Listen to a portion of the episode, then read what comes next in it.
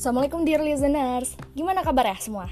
Walau kayak basa-basi ya Gue serius ingin tahu kalau kalian dalam keadaan baik-baik saja ya Jadi bagi yang masih sedih Lanjutin dulu deh sedihnya Nikmatin jadi manusia seutuhnya Tapi janji nanti harus bahagia lagi Terus juga harus sehat lagi Oke? Okay? Hmm, wait, dengar-dengar pengumuman UTBK dimajuin ya? Kok kalian yang nungguin, gue yang deg-degan ya? Serius loh ini Padahal gue sendiri gak pernah ikut UTBK atau UMPTKIN loh. Soalnya kan kampus gue bukan dari Diknas. Nah, bagi kalian yang sedang nunggu penuh harap akan kabar baik dari lembaga terkait Baik beasiswa, pengumuman kelulusan, dan sebagainya Yuk banyakin doa yuk. Karena doa itu bagian dari tawakal. Berserah diri adalah sifat kita sebagai hamba. Kalian hebat kok sudah melangkah sejauh ini. Karena kalian sudah mulainya dengan baik, menghadapinya dengan baik, yuk tutup dengan baik. Tapi gue akan sharing dikit tentang harap dan rasa takut. But gue kasih alert kalau gue bakal nyinyir banyak banget dengan dasar mindset gue di masa lalu alias waktu dulu tapi sekarang udah nggak gitu gitu kan ya gue yakin listener semua paham yang lanjut silahkan pencet yang lanjut mangga gitu kan yang mau pencet tombol stop juga silahkan Oke, dua hal ini saling berkaitan. Dulu saat masih di bangku sekolah, jujur, gue sendiri gampang banget ya kayak dirasukin sifat yang namanya sombong gitu. Gue gak tahu ini lebih ke sombong atau gak paham sama potensi diri gitu. Ada di satu sisi gue selalu ngerasa gue pintar, otak gue mampu menyelesaikan puluhan soal gitu. Kalau ada lomba atau ada kompetisi, gue tuh kayak selalu punya feeling I can be winner gue pasti menang buat teman-teman sepesantren dulu yang nggak suka dan ngerasa mungkin wah Dipa sombong nih. Duh gue sangat-sangat minta maaf. Sekarang anaknya udah sadar kok udah tobat. Bahwa ternyata setiap orang punya pandainya di bidang masing-masing. Gue dulu sih heran setengah muak ya sama orang yang gak punya cita-cita. Bukan sama orangnya tapi sama sifatnya gitu sama prinsip dia. Tapi heran aja gitu gak punya cita-cita atau masih bingung atau bahkan ada yang bilang masih sekolah lah masih kecil gak, jangan terlalu dipikirin. Soalnya gue ketika mendengar kata-kata mereka tuh ah santai sekali jiwa ambis gue ingin berteriak gitu. Ya tujuan hidup lu apa woi sampai gak punya cita-cita? Terus mau sampai kapan? Masa mau selamanya jadi pengangguran? Istighfar banget deh kalau ingat asumsi gue saat itu. Karena memang gue dari kecil dididik jadi siswi yang ambisius jadi pelajar yang ambisius. Pokoknya harus ranking satu dan angka 100 wih pokoknya uh, sampai mungkin ada yang anggap orang tua orang tua gue apa jahat mungkin maksain kehendak sama anak tapi enggak gitu. Big no anehnya gue menikmati. Gue merasakan sesuatu kepuasan saat gue menjadi yang terbaik. Akhirnya keterusan sifat kayak gini sampai SMA dan jadi bisa sampai SMA gue akan lulus dari SMA nih.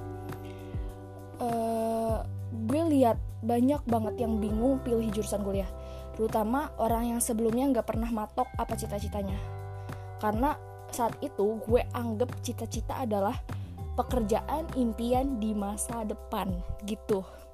Dalam hati gue hah rasain tuh bingung kan lu milih jurusan kuliah. Gak punya cita-cita sih. Dan gue sendiri gue dengan optimisme tinggi gue ingin mendaftar beasiswa KGSP dari pemerintah Korea untuk kuliah taraf diploma.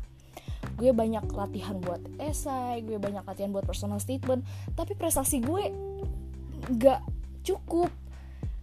Gue sendiri tuh gak sadar kalau nilai TOEFL gue bahkan belum mencapai 550 padahal minimal itu yang dibutuhkan 650 kalau nggak salah Sampai pada akhirnya bokap gue nyadarin gue untuk daftar di salah satu PTN kampus kementerian.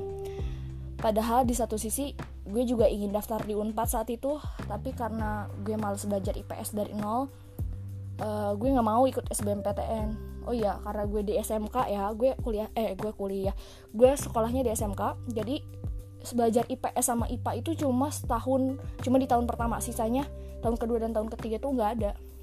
Dan ujung-ujungnya apa? Sama tinggal KGSP, sama tinggal Unpad, sama tinggal ITB. Uh, eh, I'm gonna say bukan berarti gue membenci pilihan studi gue saat ini. No, gue sangat suka literasi dan reportase gue menikmati kuliah ini dengan sepenuh hati tapi ekspektasi tinggi gue dahulu yang pengen dapat beasiswa ke luar negeri lah yang pengen kuliah di kampus ternama lah yang gagal terkubur itu semua hal itu terjadi karena gue nggak sadar di mana potensi gue gue mau ambil beasiswa KGSP karena gue sih gue suka K-pop doang mungkin Aduh, itu tuh bodoh sekali. Lagi pula jangankan dipandang sebagai calon penerima beasiswa Korea. Daftar ke ITB atau UNPAD pun kayaknya gue nggak mungkin lulus karena gue punya karena gue nggak punya dasar ilmu sosial. Sedangkan jurusan yang gue mau itu harus via SBMPTN Soshum kan nilai diri gue aja sudah nggak bakal diterima di tempat itu. Belum lagi faktor eksternal seperti rating sekolah asal, prestasi sekolah asal. Ya makin gak bisa berharap banyak bukan? Ya gue semakin sadar gitu manusia akan berjalan menuju tempat terpantas potensinya berada.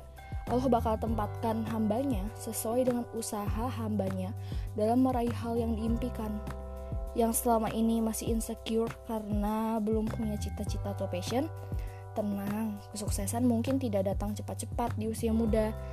Dan lebih lagi, makna sukses bagi sebagian orang adalah tidak melalui tidak melulu jadi kaya gitu. Mungkin sukses bagi mereka adalah menambah kemanfaatan di masyarakat. Mungkin sukses bagi mereka bisa sekeluarga naik haji, nggak perlu kaya-kaya amat. Misalnya punya toko kelontong, agen, tapi bisa naik haji semua itu bagi mereka sudah sukses. Dan gue ada cerita nih sedikit ya. Terakhir sih gue kemarin sempat sebel sama bokap gue karena nilai IPK gue di share di grup keluarga. I mean ya itu bagus tapi nggak brilian gitu nilainya. Ya semua orang mengucapkan selamat. Tapi gue nggak bahagia dan gue nggak seneng. Terus gue bilang Pak, kenapa sih Bapak share IPK aku ke grup? Ya biar mereka tahu kamu itu disibukkan dengan studi yang hasilnya ternyata alhamdulillah bagus daripada orang taunya kamu mabok misalnya. Ini kan kabar baik bukan kabar buruk. Bukan itu loh, Pak. Mereka semua kan kuliah di luar negeri. Bang Ivan dan Kalola aja di Australia. Ketika Bapak share nilai aku kayak gitu kan, ya aku nggak ada apa-apanya dibanding mereka, ya aku malu lah. Ya terus kenapa kalau mereka lulusan luar negeri? Toh jurusannya beda sama kamu, bidangnya juga beda sama kamu. Ya kan semua orang cerdas di bidangnya masing-masing. Terus akhirnya gue ikhlas, gue menerima ketika nilai gue di share di grup ya karena gue sadar gitu uh, potensi orang itu akan ditempatkan sesuai dengan tempatnya. Dan kata-kata bokap gue seketika membuat insecure gue kabur. Gimana? Semoga menginspirasi ya. Mohon maaf jika ada salah kata dan terima kasih telah menjadi inspirasi podcast Minutes with the Queen. Terima kasih telah menjadi pendengar setia saya. Merci, arigato gozaimasu, syukron. Wassalamualaikum warahmatullahi wabarakatuh.